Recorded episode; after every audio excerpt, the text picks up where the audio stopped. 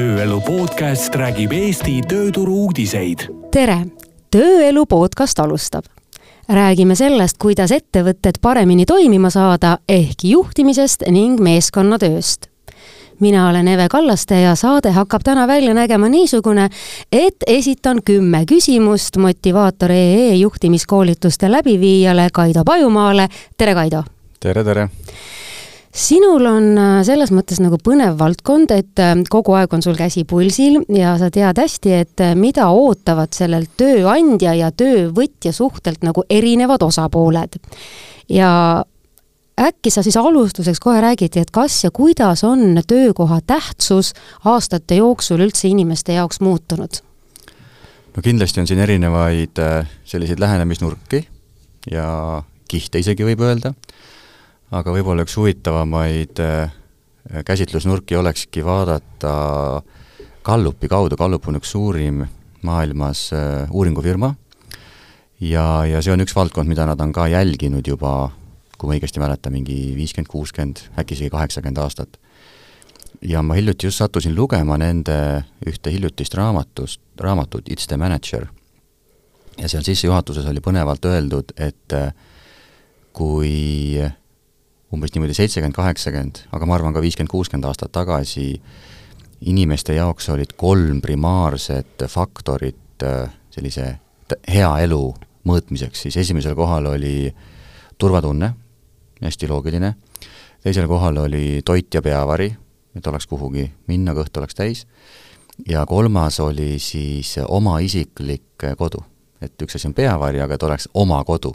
Ja siis oma koju lood siis oma pere ja nüüd äh, viimastel aastatel on see oluliselt muutunud, sellepärast et kui kaks esimest on jätkuvalt samad, inimeste jaoks on turvatunne oluline ja toit ja peavari, siis kolmandale kohale on tõusnud, äh, noh, inglise keeles on see great job, ehk siis eesti keeles võiks öelda, suurepärane töökoht.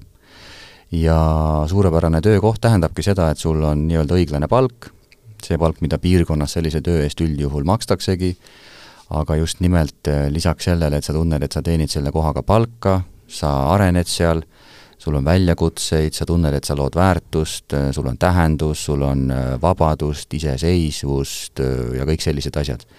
nii et see on üks viis seda asja vaadata, mis tegelikult on hästi korrelatsioonis ka erinevate töötajate põlvkondadega, kuhu on ka ju täheldatud, et selline täna kolmkümmend viis ja noorem inimene otsib töö juurest rohkem tähendust, otsib rohkem arenguvõimalusi ja kuna selline kiiresti laenuga võib-olla kodu ostmine ei ole täna nooremapoolse inimese esimene eelistus, vaid võib-olla maailma avastada, õppida, kasvada, et siis tegelikult seda uuringut võib päris tõsiselt võtta näiteks see kõlab tegelikult äh, selles mõttes ka ju loogiliselt, et äh, maailm ja selle pakutavad võimalused on nagu nii palju muutunud, et inimestel on neid variante, mida elult üldse oodata, nagu tunduvalt rohkem.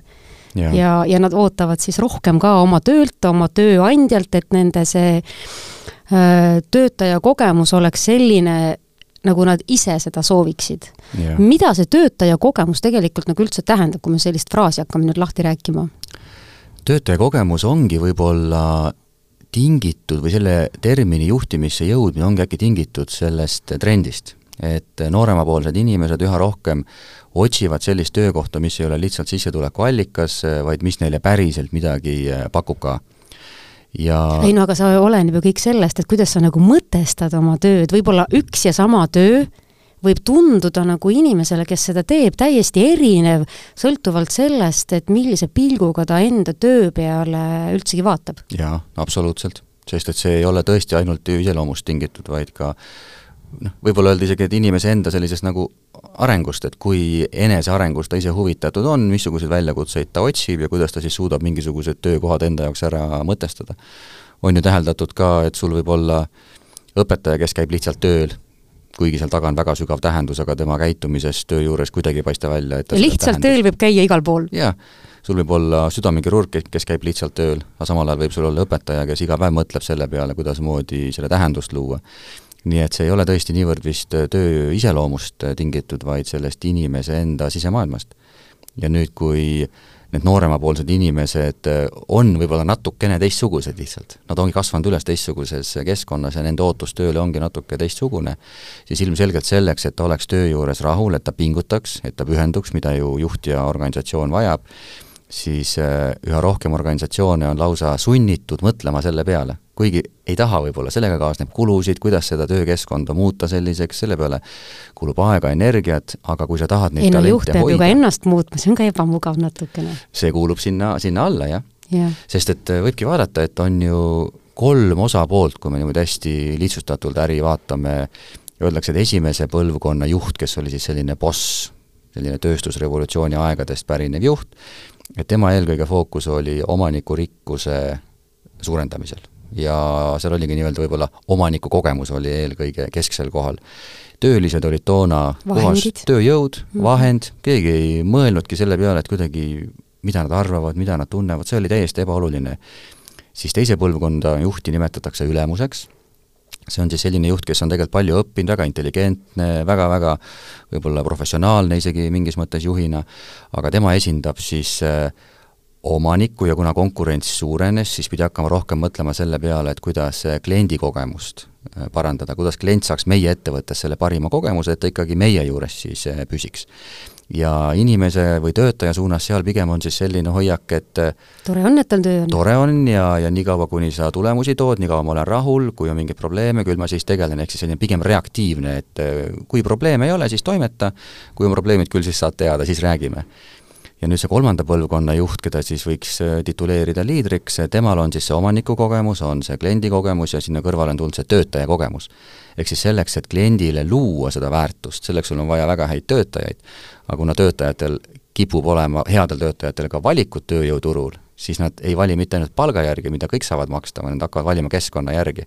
ja vot sealt tulebki sisse see kogemus, et mida ma kogen, kui ma tulen tööintervjuule, mida ma kogen, kui ma tulen esimest päeva tööle, mida ma kogen, kui ma juhiga suhtlen, ja see muutub väärtuseks omaette mm. -hmm. sest tegelikult ju küll ja veel kuuleb neid lugusid, kuidas inimesed, kes on käinud töövestlustel, ütlevad, et ma tegelikult tegin selle otsuse, kas ma soovin või ei soovi seal töötada juba siis, kui ma selle äh, asutuse uksest sisse astusin ja, ja esimeste inimestega kohtusin, ehk siis juba selle atmosfääri järgi. jaa, absoluutselt, rääkimata tööintervjuust. rääkimata tööintervjuust, mis on siis nagu järgmine ja, ja, ja üha enam mulle tundub, et nii nagu koolis annavad õpetajad õpilastele hindeid või siis ütleme, töövestlusel anti kandidaatidele punkte, on natukene need rollid nüüd nagu vahetunud nende kandidaatide kasuks pigem isegi, sest et ja. nemad on hakanud nagu sellist punkti või siis äh, sisetundesüsteemi rakendama hoopis selle, selle tööandja suhtes. jaa et..., sama paralleeli võibki tõmmata, et selline ütleme siis teise põlvkonna juht, see ülemuse tüüpi juht, tema eelistabki sellist arenguvestluste süsteemi arenguvestlus on kahjuks ikkagi paljudes ettevõtetes kujunenud selliseks punktide paneku süsteemiks, et ma panen aastas korra sulle punkte, ütlen, kas rahuldav või mitterahuldav või hea või väga hea ja siis otsustan, et mis sust järgmine aasta saab. aga seda noort töötajat see nagu ei eruta, et ta tahaks olla kontaktis rohkem, arutada, ei taha tunda, et keegi ülevalt poolt hindab teda, vaid teeme plaane, anna mulle regulaarselt tagasisidet, et sealt tekivad need käärid ka jah, ja tihtipeale on see, et mis sind siis inspireeriks veel paremini töötama, mis mõttes, ma juba annan endast oma parima, mulle meeldib see, mis ma teen, mulle -hmm. meeldib see koht, kus ma töötan, on ju, aga, aga kuidagi mm, võib-olla see kommunikatsioon nagu tööandja ja töötaja vahel võiks olla vahetum. jaa, aga see eeldabki seda, mida sa just hetk tagasi ütlesid, et ka juhid ise äh, kui need on natukene vanemates generatsioonides, mitte vanuse mõttes, aga just mõtteviisilt, siis selleks, et jõuda oma inimestele lähemale, avaneda ja püüda avada neid, et juhi enda käitumine peab ka natukene muutuma. et ma toon siit hea sellise nalja, et see tunnustava juhtimise koolitus, mis nüüd järgmine ongi meil kakskümmend üks märtsil tulemas, ta on hästi praktiline. ja kui siis äh, mõnele ettevõttele selle planeerime ja juhid siis äh, loevad seda sisu ja seal on siis see lubadus, et hästi praktiline juhtimiskoolitus, siis üldjuhul juhid on hästi rahul ja alles hiljuti oli, et äh, valmistasime selle koolitust ette ja koolituspäev juba oli ja siis juhid istusid seal esimeses lauas ja niimoodi kuulsin pealt lihtsalt, kuidasmoodi siis äh, juhid sealt töövihiku lehelt lugesid, et praktiline juhtimiskoolitus ja keegi ütles, et oh, lõpuks ometi üks praktiline juhtimiskoolitus. aga praktiline juhtimiskoolitus tähendab seal muuhulgas ka seda, et sina juhina pead üht-teist võib-olla teistmoodi tegema ja siis ja see on ebamugav ja natukene. siis päeva lõpus tuligi sellesama juhi poolt, et noh, läbi nalja natukene, et kuule, et ma mõtlesin, et praktiline juhtimiskoolitus tähendab seda, et sa annad mingid nipid, et kuidasmoodi mu töötajad võiksid muutuda. aga sa andsid nipid, kuidasmoodi ka mina pean muutuma, et ma päris sellele nagu ei mõelnud varem. ja see praktilisus võibki avalduda selles, et sa pead mingeid asju hakkama teistmoodi tegema ja see ei pruugi olla kohe väga-väga mugav. nii et sa võiksidki öelda, et see võib-olla on üks suurim äh, väljakutse, mis juht nagu endale võib siis äh, esitada selleks, et need kaasaegsed head töötajad tahaksid nagu tema juures töötada? absoluutselt.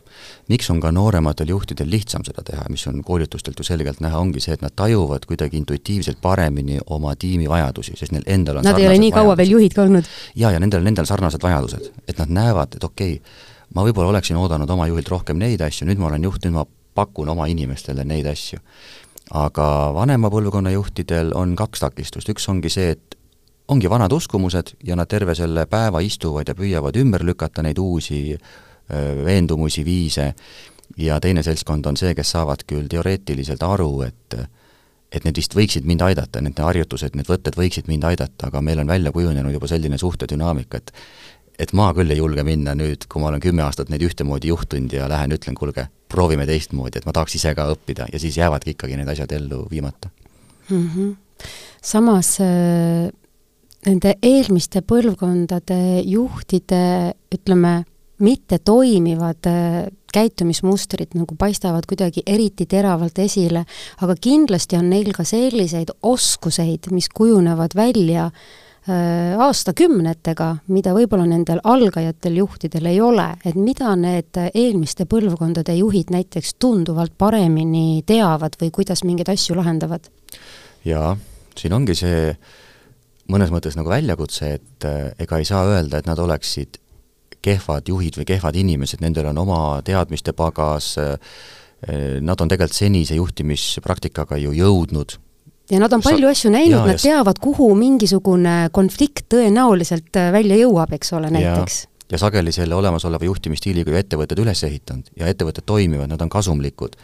ja seetõttu, kui ka nüüd tulevad mingid nooremapoolsemad personalijuhid, kes hakkavad seal siis äh, tähelepanu juhtima, et äh, et äkki prooviks seda ja äkki prooviks ka teistmoodi, siis nende jaoks on algul segadust väga-väga palju, sest et nad ongi võib-olla kolmkümmend aastat ühtemoodi juhtinud, kõik on nagu õnnestunud, ja ei saa midagi neile ette heita, aga võib-olla siit see väljakutse tekibki, et eh, noh, kõlab halvasti, aga olles ise siin kohe nelikümmend viis saamas, ega see käis kuidagi nagu niimoodi ootamatult ikkagi. ja seal ka, et sa oled kakskümmend aastat juht olnud, noored tulevad peale ja nüüd, kui need noored tulevad peale, aga sa neid noori juhid samade võtetega, nagu sa kakskümmend aastat tagasi juhtisid noori, kes tulid peale, et sealt tekib see vastuolu ja nüüd see valmisolek kohaneda ja võib-olla ka usaldada neid nooremaid personalijuhte, kes ütlevad, et okei okay,, proovime muutuda.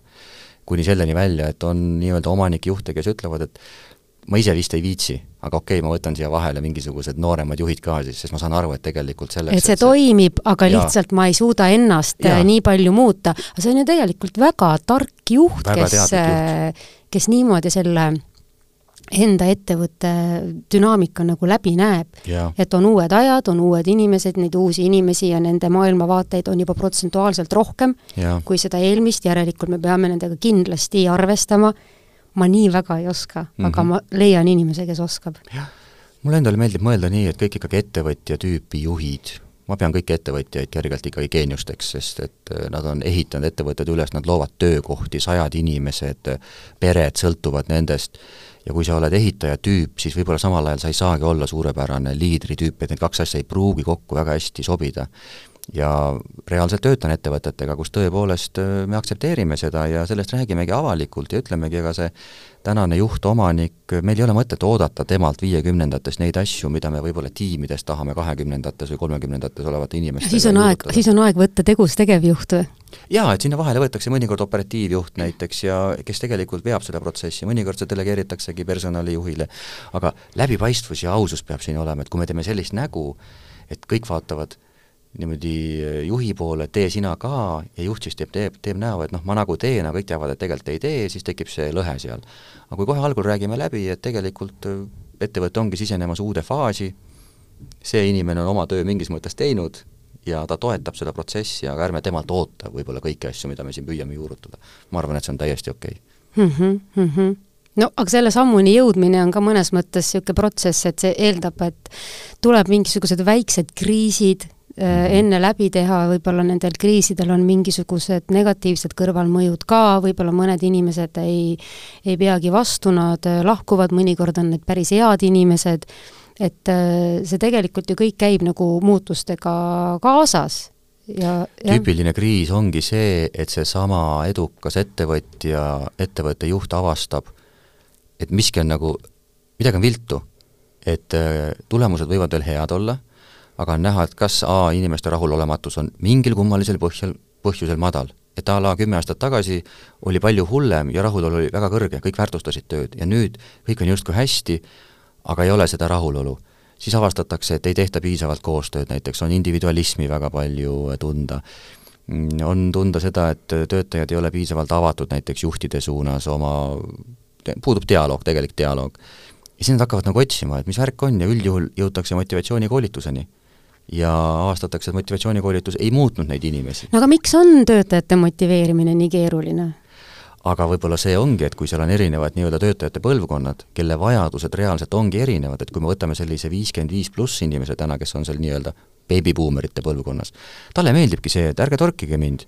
et mind on alati niimoodi juhitud, ma teen siin oma asja ja las ma teen aga kui sinna juurde tuleb nüüd see Y-põlvkonna inimene mm -hmm. ja teda mhm. juhitakse samade printsiipidega, mis võib-olla Antsule sobib väga hästi, siis tema tunneb, et ei, mulle ei sobi ja tal mingil hetkel hakkab see frustratsioon tegelikult välja pa-, välja paistma nii et tema on ikkagi selline, et kes tahab nagu pigem nagu sellist dialoogi, et kui sa jätad ta oma pead, siis ta on natuke vaata nagu selline koju jäetud kutsikas, et ta leiab endale igasuguseid tegevusi ja kõik võib-olla need tegevused ei toeta tema põhitegevust. jaa, võib nii öelda mulle endale meeldib pakkuda juhtidele selline generatsioon X-i juhtimise abc, et esimene... aga nad tahavad ikka natuke iseseisvust ka, ega see ei tähenda absoluutselt, see on väga ja, oluline ja. mõõdik seal, et ma saan optimaalselt iseseisvust. päris keeruline on nagu leida seda õiget tasakaalu siis, et sa annad sellele uuele põlvkonnale selle iseseisvuse ja ühtlasi jääb selline Äh, tulemuslik kommunikatsioon alles, eks ole. absoluutselt. ma ütlen täiesti siiralt, ma vaatan täna kõikidele juhtidele, kõikidele, kes kas või juhivad ühte inimest, ma vaatan alt üles suure sellise austusega. kui ma alustasin kümme aastat tagasi, ma tegin ju motivatsioonikoolitusi ja sealt nägin, et a la juhtimises on päris palju puudujääke, tuletasin meelde enda juhtimiskogemusi omal ajal ja sain aru, et et siin on päris palju tegelikult tutvustada ja, ja pakkuda tööriistu. ja tekkis selline äh, põhjendamatu isegi võib-olla üleolek natuke, et noh, miks et te sina nii, ju tead, jah? miks te, miks te nii ja käisin siis nagu rääkimas. aga see aastatega muutus ja viimased ikkagi sellised viis aastat äh, ma olen aru saanud, imetlusega vaatan neid juhte, isegi neid, kes tegelikult ei ole võib-olla selles tähenduses kõige tõhusamad ja kõige paremad ja kaasaegsemad juhid. aga see, et neil ikkagi asi toimib, inimesed käivad tööl, nad on ikkagi enam-vähem rahul, suur respekt, sest selle tasakaalu leida, tulemuste, nõudlikkuse, eesmärkide inimeste suhete rahulolu, see on päris, päris suur kunst, sa pead olema seal ühelt poolt nõudlik äh, nii-öelda spetsialist, sa pead olema coach, sa pead olema psühholoog, sul on neid kihte nii palju, millega sa pead hakkama saama mm. -hmm. natuke vist ikka on siin seda ka, et, et kas sul on need kaasasündinud juhi omadused või mitte, ma arvan, et on ka selliseid inimesi, kelle puhul on nii, et ega ainult tahtmisest juhiks saada ei piisa, et kui sul ikka ei ole neid omadusi, mis nagu seda toetaks, et inimesed tahavad sind järgida, et äh, siis ei olegi alati midagi parata, et võib-olla see inimene oleks näiteks jällegi väga hea spetsialist. sellega on nii ja naa, sest et äh, tõesti esimene selline ametlik teooria, mis kunagi juhtimises tehti, oligi siis isiksusomaduste teooria kuskil eelmise sajandi viiekümnendatel, kui ma õigesti mäletan, ja seal öeldigi, et inimene sünnib või on tal need omadused või ei ole täna rohkem toetatakse sellist lähenemist nagu situatsiooniline juhtimine, mis ütleb seda, et tegelikult igal inimesel on mingites olukordades võimalik teatud asju teha. lihtsalt mõne juhi jaoks on see mugavam, kukub paremini välja, teise jaoks vähem mugavam, aga ma olen oma silmaga näinud täiesti sügavalt introvertsete ja väga sügavas kriisis meeskonnaga olevate juhtide arengut, kui nad on teadvustanud, et vau wow,, et ei ole mõtet enam võib-olla ainult süüdistada juht, töötajaid, ma vaatan ka ise peeglisse, olen haavatav, lähen küsin, lähen räägin ja proovin ellu viia need tööriistad, mida ka näiteks see tunnustav juhtimise koolitus pakub. ja see, kuidasmoodi tiim on muutunud, kuidas nad astusid juhile vastu ja aitasid tegelikult tal muutuda ja kasvada, ja ma ütleks, mõnikord isegi on niimoodi, et sellised väga ekstravertsed, väljapoole elavad juhid, nendel on palju raskem ennast mobiliseerida ja luua selliseid turvalisi suhteid, viia läbi neid üks-ühele vestluseid. sellepärast, et nad on natuke pealiskaudsemad. jaa, võib-olla, aga vot see introvertne, muidu spetsialisti tüüp ja vaatad, et vau, et temast vist küll väga head juhti ei saa, kui ta ennast kätte võtab, tast võib saada täiesti suurepärane juht mm. -hmm. et see on see teadvustamise küsimus et ilmselt sellistel juhtidel võib-olla need protsessid võtavad aega natuke rohkem, aga nad on ka rohkem võib-olla läbi mõeldud, läbi kaalutletud mm, -hmm. et mis toimub.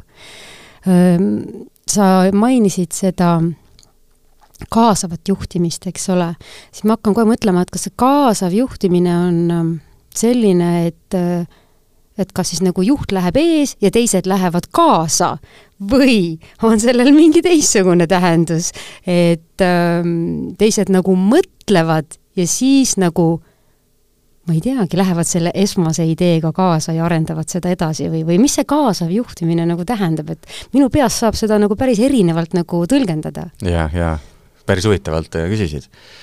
siin on vist ühele samale mõttele on palju erinevaid äh, nii-öelda tiitleid, et üks on coach iv juhtimine. see tähendab seda, et sa justkui oled siis, andku siis treeneri rollis, eks, siis on seesama motiveeriv juhtimine, tunnustav juhtimine, mida mina kasutan, aga ka kaasav juhtimine. Ja arvatavasti üks ühine tunnus nendel kõikidel stiilidel selles kontekstis on see, et juht on töötajale lähedal. mitte füüsiliselt, et istume sama laua taga, aga psühholoogiliselt ja emotsionaalselt, mis tähendab seda, et nendel on päriselt avatud suhe, nad räägivad ja juht ei küsi ainult nõu võib-olla tööalaste asjade kohta, millest niikuinii palju räägitakse, aga ta julgeb küsida nõu ka meeskonnas toimuva kohta, iseenda kohta, ehk siis selline tagasiside, suhtlus on seal ka olemas. et ma arvan, et see on see mõtteviis, et kuidasmoodi oma töötajaid äh, kaasata.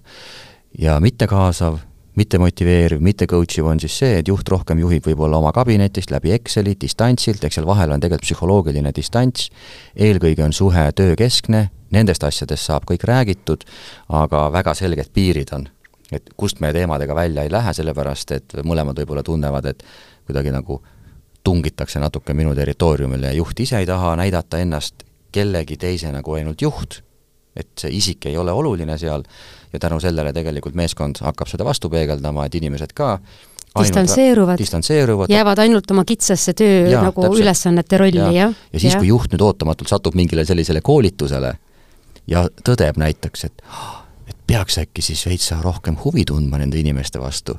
ja siis läheb ütlemata neile, et kuule, et mul tekkisid sellised mõtted, vaid lihtsalt läheb ja hakkab küsima, et Eve, kuule, mis sa nädalavahetusel tegid ja, ja, siis... ja siis mina läheksin oma kolleegi juurde, ütleksin no,, kas sa kujutad ette, mis jah? täna ütles Täpselt mulle nagu..., küsis, mis ma nädalavahetusel mis tema asi on nagu? jah, et ja? miks see nägi mind kuskil või jah, jah, täpselt. ja vot see ongi see indikaator, et, et juhtidel tekivad need taipamised, need nad üritavad ja seepärast ma alati oma koolituse lõpus ütlen ka, et kõige kindlam oleks see, kui sa ütleksid oma tiimile, jaa, et kas lugesin mingit raamatut või sattusin mm. mingit filmi vaatama, käisin mingil koolitusel ja ja päris head mõtted tekkisid, et ma tahaks proovida, et kas te olete nõus mind veitsa siin toetama. ja siis võib-olla seltskond vaatab ka veitsa imeliku pilguga, küsib, et komistasid nagu. aga nüüd, kui ta läheb, siis tiim annab talle võimaluse aga kui ta läheb niimoodi teeb koosoleku ära, ütleb, et üks asi veel. palun tehke ka see asi siin ära. Siis ta ei tööta, siis inimesed ehmatavad ära ja hakkavad selle taga mõtet ja, otsima.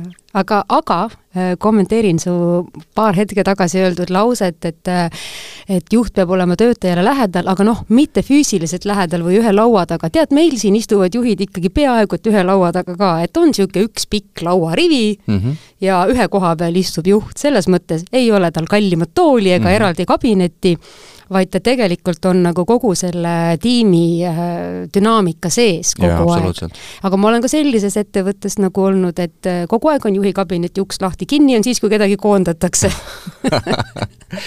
Absoluutselt, ma mõtlesingi selle all seda, et sageli juht füüsiliselt lähedal niikuinii juba on ja, ja, ja see emotsionaalne lähedus võib-olla ongi natukene selline segane termin, aga see tähendabki seda mm -hmm. psühholoogilist avatust, et me, noh, tegelikult see on turvatunne, et kas meie suhe on turvaline või ta on ebaturvaline. kui on ebaturvaline, siis me räägime tööasjadest, kui ta on turvalisem, siis me tunneme üksteist ka natukene inimestena mm. -hmm. meie muidugi räägime oma osakonnas oma juhiga, mis me nädalavahetusel tegime mm -hmm. ja täiesti normaalselt suhtutakse ka sellesse, kui mõnel päeval vahetatakse vaid lühilauseid, sest et see on mhm. lihtsalt kiire päev. ei ole sugugi nii, et nüüd on mingisugune muutus toimunud, vaata, selles äh, kollektiivis, et sa ikkagi ja. nagu tajud ära, kui kõik on turvaline, sa võid suhelda, sa võid mitte suhelda eks ole, et äh, see, selline keskkond on nagu töö tegemiseks väga mõnus. ma arvan, et kõige parem indikaator ka ise hindamaks, noh, ka sina praegu ja, ja kõik võib-olla ka kuulajad, on see, et kas ja kui palju juht küsib proaktiivselt tagasisidet ja kui ta seda teeb isegi kas ma saan olla enam-vähem ikkagi aus. päris lõpuni aus võib-olla me ei ole ei oma abikaasade, emade, isade, lastega, aga kas ma ikkagi saan öelda kas ma oma sõnumi saan nagu edastatud? täpselt. kas ma saan ära öelda selle nagu asja, mis mul päriselt on hingel, sest et äh, need nii-öelda distantseeritud juhid ju ka teavad, et tuleb ikkagi küsida ja neid tegelikult huvitab see sisend Nad teevad neid äh, rahuloluküsitlusi ja teevad neid arenguvestlusi. aga nende suhtlusstiil või varasemad käitumismustrid on näidanud, et parem on, kui sa oma suu kinni hoiad. täpselt, ja see on kõige parem indikaator töötaja poolt vaadatuna, et kas, kas A juht käib üldse küsimas, kas ta teeb midagi ja võtab ette midagi selleks, et saada sedalaadi tagasisidet ja kui ta midagi sellist teeb, kas ma tegelikult saan olla nagu enam-vähem aus mm. -hmm. kui ma saan, siis on kindel, et see on turvaline suhe kui sa ikkagi nuputad seal välja mingisuguseid tööalaseid tagasiside nipp- või noh, punkte, et jaa, võiks ikkagi klientide juurde minnes võib-olla ühe autoga minna, säästame kütust, kui sul mingid sellised mõtted pähe tulevad, aga tegelikult sind häirib näiteks tema emaili kirjutamise stiil või see, et ta ei vasta kõnedele või see, et ta kunagi ei märka, kui sa oled isegi pingutanud midagi, aga seda jätad ütlemata igaks juhuks, no siis näitab, et tõenäoliselt see suhe ei ole päris tur-, turvaline mm. -hmm. Oled maininud enda koolitustega seoses mitterahalist motiveerimist, ausalt öeldes ajal, kui elektrihinnad tõusevad kõige parem oleks muidugi rahaline motiveerimine yeah., aga oletame, et su palk on suhteliselt okei okay ja, ja võrreldes sinu valdkonna keskmisega, eks ole mm -hmm., noh, isegi täitsa hästi, et kõik on küll kallis, aga pole mõtet nagu mingit ekstra kurtmist teha, siis võib-olla tõesti, et siis on mingisugune teistsugune motiveerimine hea, et, et kuidas see mitterahaline motiveerimine välja näeb? sellele võiks läheneda kõigepealt üldsegi sellise hästi sügava loogikaga jälle, et kui me näiteks meeskonnakoolitustel või motivatsioonikoolitustel palun kõikidel inimestel kirja panna kolm asja, mida sa palga kõrval hindad oma tänasel töökohal mm. -hmm, mis see top on? siis kui nad panevad kõik kirja, seal on näiteks grupi peale kakskümmend kuni võib-olla viisteist erinevat asja ja kui me hakkame neid grupeerima, siis me avastame, et nad jagunevad tegelikult kõik viide gruppi. esimene on siis see rahaga seotud asjad, näiteks tasuta kohv on ju tegelikult rahaline motivatsioon, tänu sellele ma säästan raha. aga tänapäeval on ikkagi nii, et kui sa pead tööl kohvi eest maksma, siis sa napilt minestad? jaa, aga põhimõtteliselt mm, -hmm. et mhm. see, kõik sellised asjad, mille peale tööandja kulutab reaalselt raha, spordikombinatsioon, kompensatsioon, kohv, et see mõnes mõttes võib panna kõik selle rahalise motivatsiooni alla. ja nüüd ülejäänud neli asja, need pärinevad tegelikult äh, enesemääratlusteooriast. oota, töötaja seisukohast on see mitterahaline motiveerimine, kui sul on tasuta kohv? aga tegelikult ei ole ju. ja, ja, ja, ja tööta-, tööandja poolt on see rahaline, aga töötaja seisukohast on see nagu mitterahaline minu meelest. ei, aga tegelikult ju töötaja säästab selle kohvi raha, kui ta peaks iga kord maksta, maksab ju oma palgast. nojah, tal on üks põhjus rohkem kontorisse tulla, sest kontoris on nii hea kohvi. no näiteks jah, aga ühesõnaga, me võime, mina oma töös ütlen ja. niimoodi, et kõik, mille peale tööandja raha kulutab, pane see mitterahalise alla, sest et okei okay,, ma selgitan ka, miks see nii on kui juht või ettevõte hakkab käsitlema kõiki selliseid tegelikult rahaga mõõdetavaid tegureid mitterahalise motivatsiooniga, siis kõiki neid asju on võimalik pakkuda ikkagi psühholoogiliselt distantsilt. ma ei viitsi teiega suhelda, aga ma panen selle kohviautomaadi siia, palun, võtke kümme tassi päevas ma ei viitsi teiega suhelda, aga näed, maksan teie parkimise kinni. ma ei viitsi teiega suhelda, aga näed, minge trenni, kui tahate minu arvel. aga tead, see, see on, see on ühte tüüpi, see on ühte tüüpi lapsevanem, kus ta väljendab oma armastust ringiga läbi teatud tegude, no mõnikord ka raha kaudu. no vähemalt on see olemas moel või ja. teisel, aga milline see samm edasi siis on? jaa, ja nüüd ongi, et see on väga okei okay et ma ei ütle, et see nii on ja keegi ei ole seda nii-öelda teaduses kinnitanud, aga lihtsalt, et äh, juhid saaksid enda jaoks selle vahe sisse tõmmata, et kus kohas näiteks läheb see mitterahaline, rahaline, siis mina olen soovitanud, et pange need asjad kõik rahalisse ja nüüd sinna mitterahalisse jääb siis neli asja. Need on seotud selliste sügavate meie isiksuslike vajadustega, esimene on kuuluvusvajadus, mõnes mõttes hästi ju triviaalne, aga kuna inimene liigina on alati saanud karjas paremini hakkama, elanud karjas, küttinud karjas, siis mõnes mõttes tööl on, on ka nagu ta tahab, et see oleks äge kari. jaa, see on äge kari, see on, me kütime siin, kütime kliente, kütime saavutusi ja nüüd, kui ma lähen sinna tulemusi on, kütime. jaa, meil ja. on nagu hambavaim, meil on omad naljad, oma kultuur, see on ülioluline motivaator. ja nüüd me sageli enne koolitusi teeme ka küsitlusi, näiteks küsitluses on selline küsimus sees, et kui konkurent teeks sulle enam-vähem sama töö eest enam-vähem samas kohas kümme protsenti kõrgema pakkumise, kas sa läheksid, siis üldjuhul kaheksakümmend protsenti ütleb, et ei lähe, kakskümmend läheks juba ära kümne protsendi pärast. ja seal on järgmine küsimus, et kui sa ei läheks, siis miks, siis üldjuhul kõige rohkem on öeldud just inimesed. nii et see on mm -hmm. esimene. ja see on täiesti mitterahaline, sest et sa ei saa rahasse panna nende suhteid, kui palju üksteist toetatakse teine on siis seotud äh, iseseisvusvajadusega, algab lapsel kuskil niimoodi pooleteistaastaselt, kui ta ütleb emale, et ei pane mind riidesse, panen ise, ei pane mulle putru suhu, panen ise, kuigi pükste jalga panemine võtab, ma ei tea, pool tundi aega, ise tahab kiiresti välja saada, aga see programm on ratsionaalsest poolest nii palju tugevam. ja nüüd äh, ta jõuab puberteeti, jõuab täiskasvanu ikka, ta tahab, et teda aktsepteeritakse indiviidina, et oskab ise otsustada. ja nüüd, kui ta tuleb tööle ja teda hakatakse liialt ahistama, kontrollima, tal tekib tunne, et teda ei usaldata, siis see hakkab loomulikult tema motivatsiooni pärssima. aga juhi poolt vaadatuna see on seotud üldjuhul kahe siis sellise hirmuga, üks on mikromanageri hirm, mis tähendab seda, et aga äkki ta ei saa hakkama, ja teine on autokraadi hirm, aga äkki ta võtab kogu võimu mult ära, mis minu roll siin ühel hetkel siis on, kui tema hakkab selliste asjadega mõni ei julge puhkuselegi minna. jah ja vot, kui juht oskab seal inimesele anda optimaalset vabadust ja mõistlikke piire tõmmata, siis see muutub tohutult oluliseks äh, motivaatoriks. kolmas on siis see tunnustusvajadus, jällegi väiksel lapsel, ta joonistab pildi, tuleb emme-issi juurde, ma olen kodus teinud neid eksperimente, laps joonistab pildi, vaatad kaks sekundit, pöörad pilgu ära, ta ei jäta rahule sind. vaatad kaheksa sekundit, ta läheb ära. järelikult selle kaheksa sekundi jooksul tekkis temas tunne, mind märgati ja nüüd on ülioluline, täiskasvanud inimesed ei vaja oma juhilt mingeid nagu labaseid komplimente, et juht mõtleks välja, et olla tunnustav juht. täiskasvanud inimene vajab, et tema panust märgatakse, verbaliseeritakse, mainitakse ära, see on kõik minu meelest see on nii üldine soov, et sind märgatakse, et ja. samal ajal, kui sina tõid lapse näite, hakkas minul ketrama peas igapäevane koju jõudmine ja kohtumine oma taksikoeraga, kes mm -hmm. ei jäta mind enne rahule, kui ma ei ole piisavalt tema tervitusele tähelepanu pööranud. nii et lõppude lõpuks me oleme siin sujuvalt töötajad taandanud väikeste laste rolli ja lausa koera tasemele, aga samas need baasvajadused on nagu meil kõigil samad. aga tead, mis võib olla üks põhjus? Et seda üldse ei tohiks võttagi võib-olla negatiivselt. me vajame justkui inimestena läbi elu ühtesid samu asju küll. ja autoriteetselt isikult.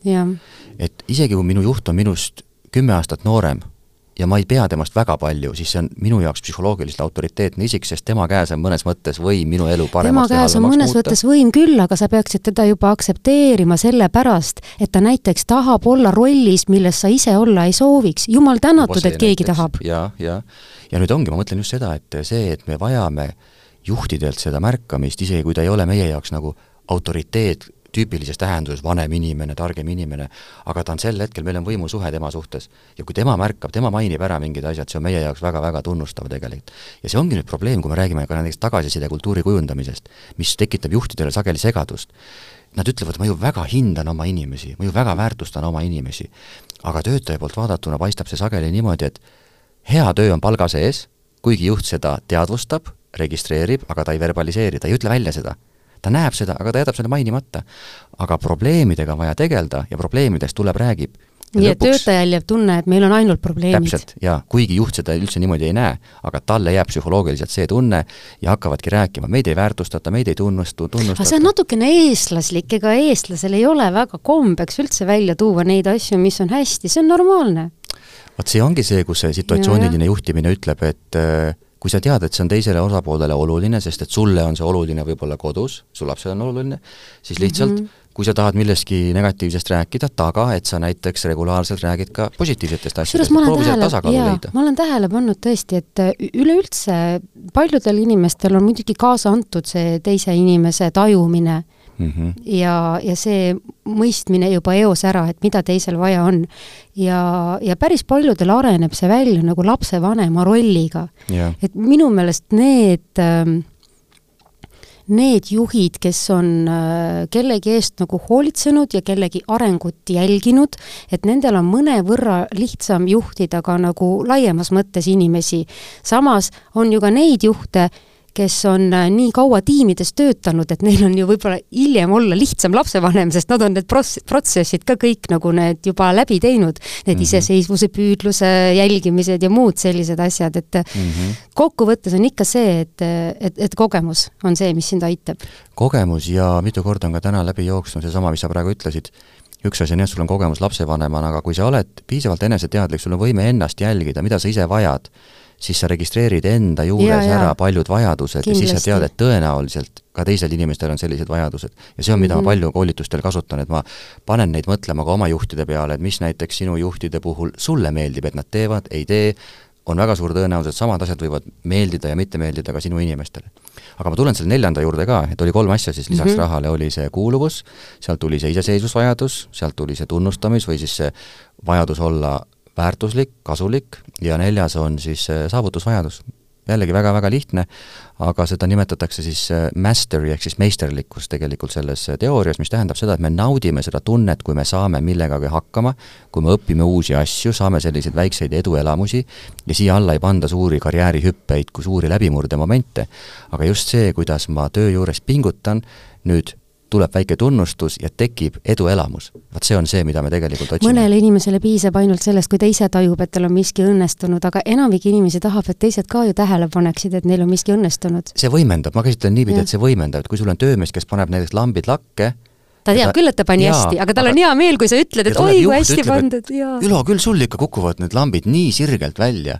ja Ülo võib terve nädalavahetuse õitseda ja see ei maksnud juhile mitte midagi, ta lihtsalt mainis ära selle. ja see see võti ongi, miks see on täiesti mitterahaline mm. -hmm.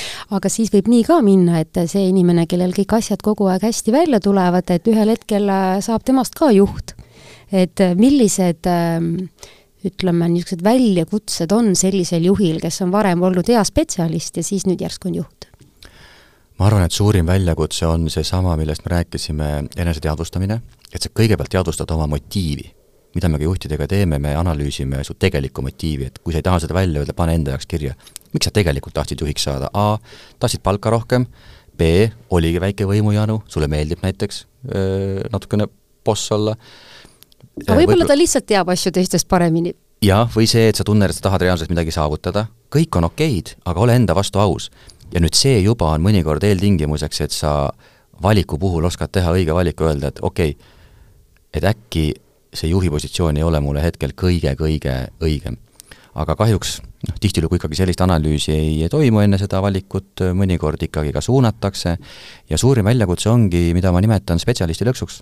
mis tähendab seda, et tegelikult sa oled spetsialistina ülihästi oma tööga hakkama saad, sa oled oma valdkonna absoluutne tipp, ja nüüd sa oled ühel hetkel juht ja mõnes mõttes sa väga palju oma töödünaamikas ei muuda, käitumises midagi ei muuda, vaid sa eeldad, et kuna ma maksan nendele inimestele, siis nad on enam-vähem samadest asjadest huvitatud nagu mina, tõenäoliselt ma meeldin neile, jutumärkides, ma kunagi ei täpsusta, sest ma eeldan, et mul on uks lahti ja nad tulevad, ütlevad, kui ei meeldi või vähemalt personaliosakonnas tuleb see välja kuidagi, ja siis juhtubki, et juht on jätkuvalt edasi spetsialist ja ta ei võta ette neid veitsa ebamugavaid tegevusi, et võib-olla lammutada potentsiaalseid müüre, minna, küsida tagasisidet, hakata verbaliseerima neid asju, püüda aru saada, kust lähevad täna need võimupiirid, kas anda võimu allapoole edasi, kas äh, proovida neid iseseisvamaks muuta, ja need tegevused ühelt poolt võtavad aega, energiat, nad on ebamugavad ja see ongi, ma arvan, peamine põhjus, miks sageli ka juhid jäävad natukene jänni ja mingil hetkel tunnevad, et meeskond ei toimi ja siis muidugi tundub, et asi on nendes.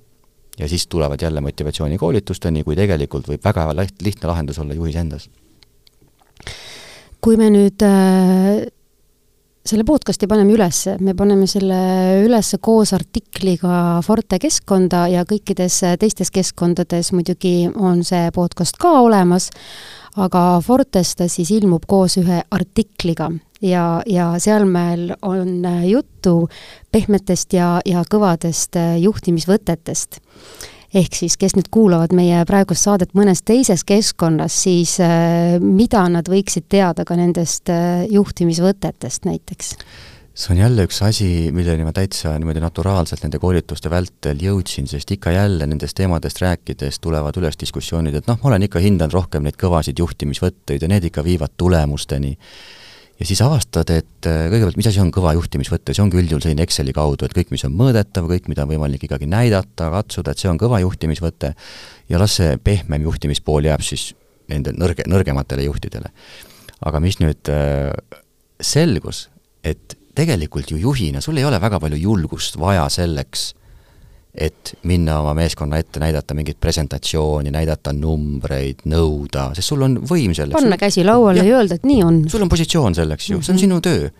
palju suuremat julgust nõuab see, et sa lähed ja küsid nendelt neid ebamugavaid küsimusi, lähed, tunned huvi nende vastu, lood neid suhteid ja vot siit tekibki huvitav äh, paradoks et nende aastate jooksul ma olen täheldanud, kuidasmoodi kõige valjuhäälsemad juhid, kes siis algul räägivad kõvadest juhtimisvõtetest, kui me algul päeva alguses räägime sellest teoreetilisemast poolest ja püüan nagu selgitada, et miks see kõik vajalik ja kasulik on.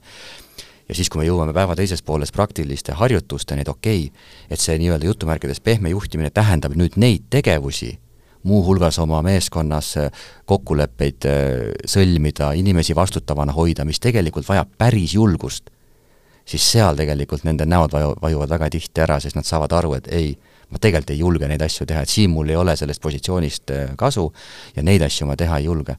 ja ma julgengi öelda oma kogemuse baasil, et sageli sellised kõige kõvemad juhid jutumärkides on tegelikult sisemiselt väga-väga arad ja ebakindlad.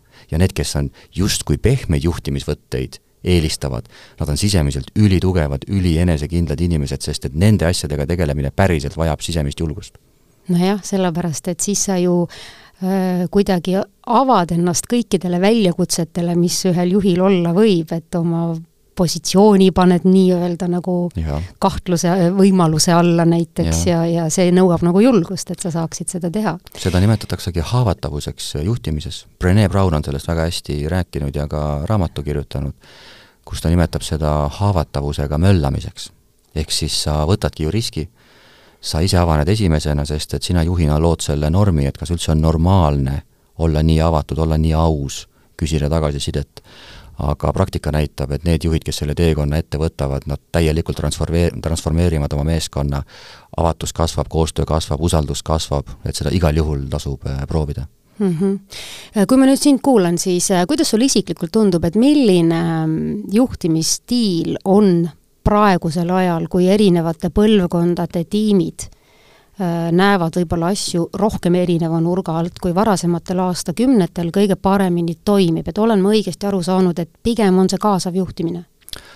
kindlasti, trend on ka kindlasti selles suunas, sest et kui ma kümmekond aastat tagasi selle mitterahalise motivatsiooni koolitusega alustasin, mis täna ongi tunnustav juhtimine, siis ikkagi tundus, et ma ise olin nii-öelda olnud juhtimislikus pimeduses ja kõik need mõtted, võtted tundusid kõikidele olevat uued, värsked, isegi võõrad, siis täna tegelikult üks keskmine organisatsioon on ikkagi juba juurutanud sageli selle mõtteviisi, vähemalt teoorias teatakse.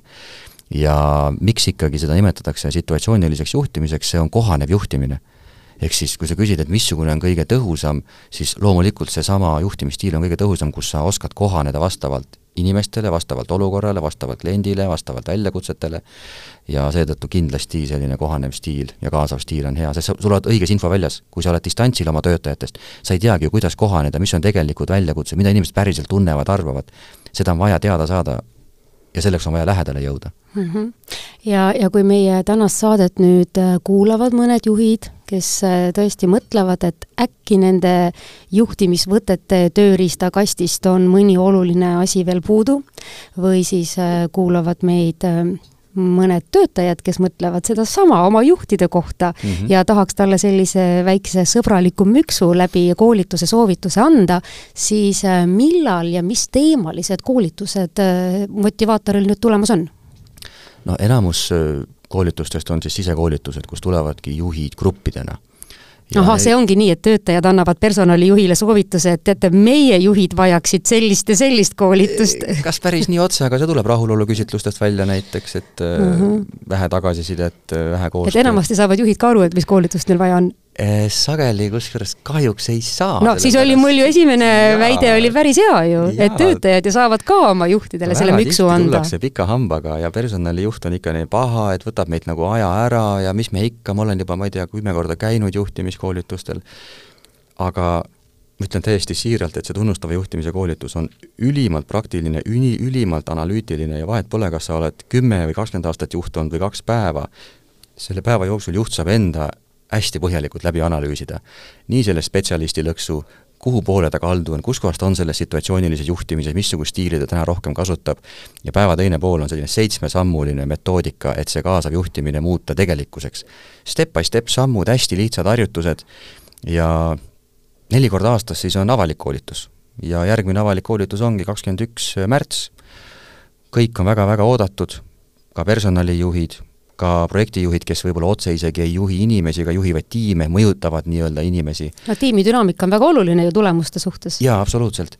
nii et äh, kindlasti julgen soovitada, koolitusel on isegi raha tagasi garantii, kui sa tunned, et sa tegelikult ei saanud enda jaoks väärtuslikku, siis ma ei taha müüa kuidagimoodi põrsast kotis äh, täiesti küsimusi esitamata, ma olen nõus selle raha tagastama, aga siiamaani ikkagi tagasiside on ülimalt äh, positiivne just praktiliselt suur tänu sulle, Kaida Pajumaa, motivaatori juhtimiskoolituste läbiviija ja hea kuulaja, laadige alla ka meie uus Delfi tasku äpp, saadaval nii App Store'is kui Google Play's. Äh, tööelu podcast äh, seekord, seekord on siis läbi ja uued kohtumised juba üsna pea. aitäh kuulamast, mina olen Eve Kallaste, kohtumiseni! tööelu podcast räägib Eesti tööturu uudiseid